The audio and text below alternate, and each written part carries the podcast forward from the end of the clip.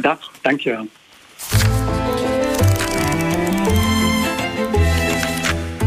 Boeken met Bart Funnekotter. Ja, Bart, goedemorgen. Goedemorgen. Uh, vier op het oog heel verschillende boeken heb Zeker. jij uitgekozen dit keer. Uh, waar beginnen we mee? We beginnen met Max Hastings, Operatie Chastise. Het verhaal van de Dambusters 1943. Uh, wat jullie waarschijnlijk niet weten... is dat op de katholieke begraafplaats in Steenbergen in Noord-Brabant... Mhm. een van de hoogst onderscheiden Britse militairen uit de Tweede Wereldoorlog uh, ligt. Zijn naam is Guy Gibson. Hij hoorde, vloog bij de RAF en hij is wereldberoemd geworden in 1943... omdat hij het squadron leidde dat een aanval uitvoerde op uh, drie dammen in het Roergebied... waarvan er ook twee daadwerkelijk uh, doorbroken werden. Nou, die aanval overleefde hij, maar een jaar later ging hij heel onverstandig... toch weer een keertje vliegen omdat hij het niet kon laten... en werd hij dus boven Noord-Brabant neergeschoten. En die aanval van de Dambusters, zoals dit squadron wordt genoemd... dat is echt onderdeel van de Britse oorlogsfolklore geworden. Er zijn tal van boeken over geschreven. Er is een bioscoopfilm over gemaakt... waarvan de tune nog steeds in het voetbalstadion gezongen wordt. Dus het Ja. is onderdeel van, zal ik maar zeggen, van het Britse oranje gevoel. Het, het, het klinkt, het, het klinkt ook wel spannend, de Dambusters. Het, het klinkt ook, het klinkt ook wel spannend. En er zijn ook al veel boeken over geschreven. En Max Hastings, een, een veelschrijvende journalist en militair historicus... heeft er nu een boek aan, aan toegevoegd. Ik zal even kort zeggen wat het uh, was. Er waren dus, uh, de, de industrie in het Roergebied was uh, voor een groot deel afhankelijk van... door waterkracht opgewekte elektriciteit. En de RAF had dus, wilde die dammen kapot gooien. Maar dat was nogal wat. Want daarvoor moesten ze met een vliegtuig op 18 meter boven het oppervlakte van het stuurmeer vliegen. Dan een bom loslaten die een backspin had gekregen van 500 toeren per minuut in het, in het vliegtuig. En die dan al stuiterend als een kiezelsteentje over het water tot de dam, tegen de dam tot rust kwam, afzonk en vervolgens ontplofte. Nou, als je bedenkt dat de RAF normaal moeite had om een bom binnen 5 kilometer van het doel uh, af te leveren, dan was, dit, was hier een ongekende precisie voor nodig. En dat squadron van Guy Gibson is het dus gelukt om door heel veel trainen die precisie mm -hmm. uh, te verkrijgen. Ja. En dus de dammen braken door. En uh, dat is een bekend verhaal. Wat Hastings goed doet in dit boek is dat hij dat dus afweegt van had het nou eigenlijk zin? En uh, het, het korte antwoord erop is nee, want de Duitsers herstelden de dam weer vrij snel. En Albert Speer, de minister van Bewapening, was ook heel verbaasd over dat de RAF niets deed om dat te voorkomen. En wat, waar Hastings ook uh, zeer duidelijke morele vraagtekens bij zet, is dat er zijn 1200 burgers verdronken na die aanval, waarvan het merendeel uh, dwangarbeiders waren, afkomstig uit bezette gebieden in Europa. Dus hij vond het uiteindelijk ook, net zoals trouwens de uh, de bombardementen waarbij hele stelen in de as werden gelegd... vond hij ook de aanval van de dambusters... hoewel een heldendaad moreel mm -hmm. uh, niet te verdedigen. Ja. Was dit nou een soort een, een, een, iets typisch Brits, dit soort uh, ge, gewaagde, gekke acties? Nou, de Britten staan natuurlijk heel erg verlegen om goed nieuws. Ja. Uh, en dus die, die, die wilden wel dit soort dingen, dit, dit soort dingen proberen. En uh, het juiste esprit, zo je wil, binnen de RAF, dat, dat, was er wel. En dat Guy Gibson heeft ook een, een memoires geschreven. En daar proef je ook heel erg die sfeer uh, in dat squadron toen uit. Het, het, het samen met z'n allen zo'n zo'n zo'n huzarenstukje willen verrichten. Ja, Bart, dus, is, is dit nou een, um, een boek voor iedereen? Of is het ook vooral een boek voor Bart Funnekotter... die ooit een dik encyclopedisch werk heeft geschreven... over alle oorlogsfigurniers uit de 20e eeuw? Dit is, dit is een boek voor iedereen, uh, Jos. Want het laat je zien dat uh, je, je kan best als individu een heldendaad verrichten... Mm -hmm. die uiteindelijk toch... Uh, uh, morele gevolgen, he, gevolgen heeft die moreel uh, kwestieus uh, zijn. En dat blijkt dus dat het individueel heldendom niet altijd hoeft te leiden tot wenselijke daden. Ja. Nee, maar is het ook echt een spannend boek? Want jij hebt ooit ook voor ons bijvoorbeeld Operation Mincemeat, ook zo'n rare ja, Britse het is, het is, het is een hartstikke spannend boek ja. en Max Hastings kan gewoon hartstikke goed schrijven. Dus ik kan het van harte aanraden. Volgende boek, Bart. Volgende boek. Een heel dun boekje. Het is natuurlijk geen kunst om een heel dik boek te schrijven over de Habsburgers. Dit boek heet Het Rijk van de Habsburgers, een duizendjarig vorstengeslacht van Martin Rady, een hoogleraar aan de University uh, College Londen. Mm -hmm. uh, hij heeft ook een heel dik boek over de Habsburgers geschreven. Dit is een beetje de ingekookte versie van. Iets van 240 pagina's, ook nog rijkelijk uh, geïllustreerd. En daarin is het hem dus gelukt om een millennium Habsburger geschiedenis... Bart, leg even heel kort in drie zinnen, zoals jij dat als geen ander kunt. Wie dat waren, die Habsburgers? De Habsburgers was een vorstengeslacht dat opkwam in uh, Zwitserland... door uh, stom geluk en heel strategisch trouwen... erin slaagde om een gigantisch rijk bij elkaar te regelen... in, uh, in het midden van Europa. En later ook via de koloniën in de rest van de wereld. En wat het interessante is, waar de meeste vorsten eigenlijk dingen willen doen... en dingen willen bereiken... waren de Habsburgers vooral duizend jaar bezig om te zorgen dat er niets gebeurde. Want, want alles wat er gebeurde zou ervoor zorgen dat het rijk uit elkaar, uit elkaar viel... omdat ze door alle, aan alle kanten omringd werden door vijanden en overigens woonden er 30 verschillende bevolkingsgroepen Mhm. binnen het Habsburgse Rijk. Dus alles wat er gebeurde zou eh, ongetwijfeld ellende opleveren. En het is heel aardig om te zien hoe verschillende vorsten eh, op verschillende manieren daar dus in geslaagd zijn. Je had dus bijvoorbeeld je had Rudolf eh, de Vierde die een eh, oorkonde vervalste, die, waarin Caesar, eh, Julius Caesar, zou hebben gezegd dat hij eh, Oostenrijk gunde aan wat de voorouder van die Rudolf de Vierde was, om die claim eh, te versterken. Dan had je natuurlijk eh, Frederik III, die op alle gebouwen die hij bouwde in de, in de 15e eeuw AEIOU eh liet zetten. Austriae est impera orbe, orbi universo. Alles Erdreich, East Österreich, Untertan. Eh, dus ze waren constant bezig om hun gezag te legitimeren.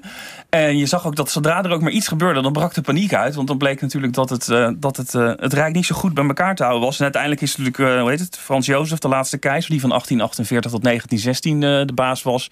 Ja, die zag het uiteindelijk als zand door zijn vingers glippen. En toen, na het eind van de Eerste Wereldoorlog, was het, eh, was het na, na toch een kleine duizend jaar. eh, goed gespeelde wedstrijd, zou ik Ja. zeggen. was het einde, einde Maar, Habsburgers. maar t- 240 pagina's over duizend jaar waarin niets gebeurt. Eh, ja, nee, maar dat, is toch spannend. je ziet ze met Niet je- saai? Je, je ziet ze met kunst en vliegwerk de boel overeind houden. Het is misschien heel leerzaam voor politici nu eigenlijk. En, Ja. en, en, en, eh, top, top eh, regeerders. Ja, ik, ik, ik vond het in ieder geval eh, ja, bewonderenswaardig hoe ze zich elke keer weer aan die uh, Sisyphus-arbeid eh, zetten. Goed, bo- bo- boek nummer drie gaat nog verder terug Ja, dan boek nummer duizend drie jaar. gaat nog verder terug. Ik ga steeds verder terug in de tijd. Ehm, eh, dit boek is, het is een boek van eh, Philip Mattesack, eh, hoogleraar geschiedenis in Cambridge. En die heeft het boek geschreven Vergeten volkeren, verloren culturen op de kaart gezet. Nou, toen ik dit boek voor het eerst doorbladerde, liep er echt een rilling van genot over mijn rug. Dat zegt natuurlijk iets over mij, maar ook wel over dit boek, want het is prachtig geïllustreerd. Met mooie foto's en kaarten. En wat Philip Mattesack doet in dit boek is 40 volkeren van die tussen 2500 voor en 500 na Christus in Europa en het nabije oosten geleefd hebben, in het zonnetje te zetten. En ik noem er even een paar op. Enige bijbelvastheid eh, komt dan van pas. Eh, de Kanaïten, de Elamieten, de Meden, de Bactriërs, de Cushieten, de Samaritanen, de Garamanten, de Numidiërs, de Arverni, eh, de Iceni, de Alemannen en hij eindigt dan met de Hefta. Lieten. Ja. En wat hij bij elk van deze volkeren doet, is even vertellen van waar komen ze vandaan, wat hebben ze bereikt en ehm, wat zijn de echo's die we nu nog horen van hun bestaan. Nou, En dat is wel even benieuwd. leuk.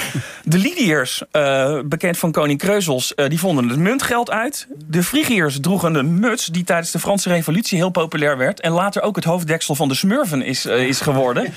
dus een invloed reikt ver. Eh, de, E- de Epiroten behaalden als eerste een, een, een Peres-overwinning. Eh, de Sarmatische ruiters, die kwamen echt van de steppen. Zouden model hebben kunnen staan voor de ridders van koning Arthur. En aan de Daciërs danken we het prachtige automerk eh, Dacia. Ja.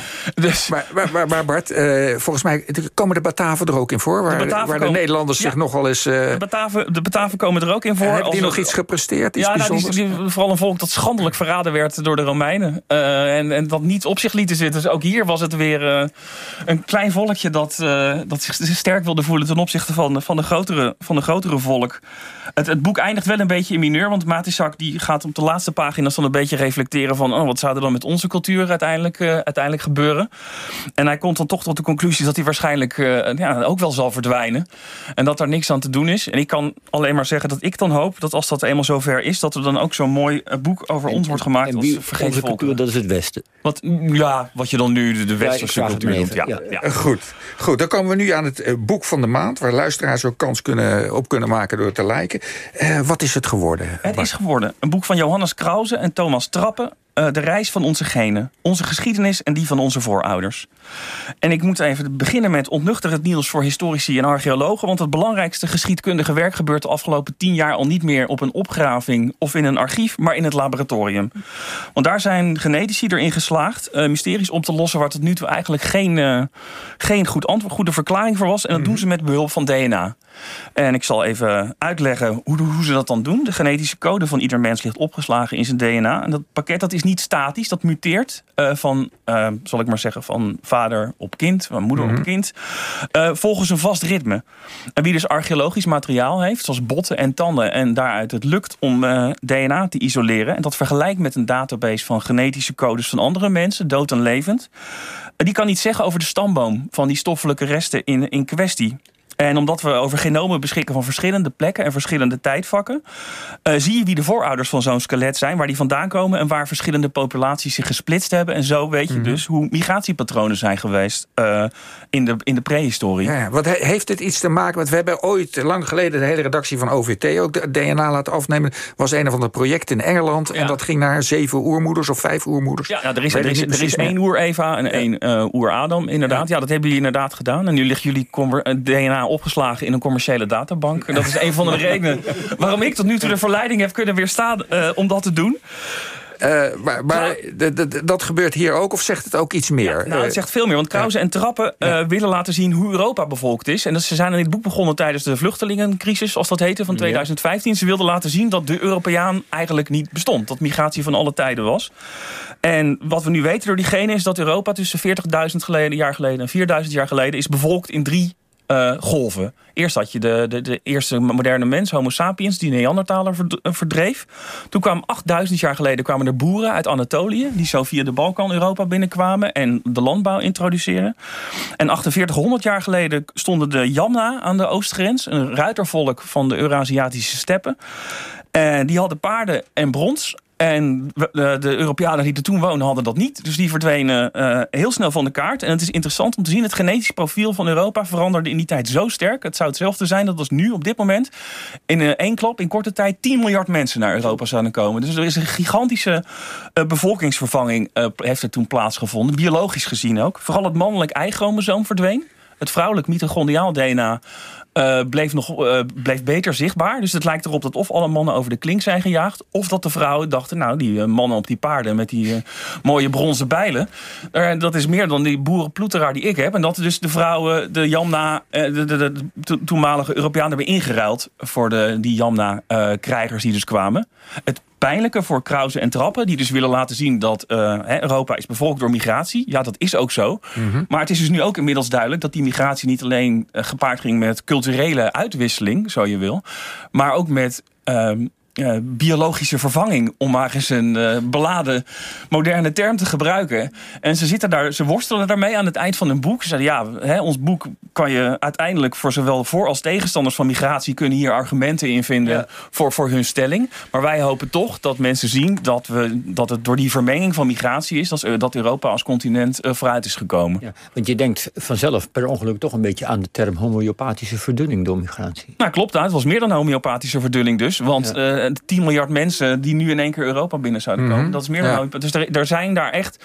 Uh, er is in het genenpakket zijn er echt biologische schokken geweest bij, toen bij die migratiegolven. En nu is die migratie natuurlijk uh, nu is van heel andere aard dan toen. Maar je merkt dat ze er toch een beetje met de conclusie in de maag zitten. Goed. Bart, bedankt. Uh, je vindt het duidelijk een mooi boek, want je hebt het boek van de maand gemaakt. Wie de reis van onze genen een exemplaar kans op wil maken... die kan het dus liken op onze Facebook of een mail sturen naar boekvandemaand.vpro.nl.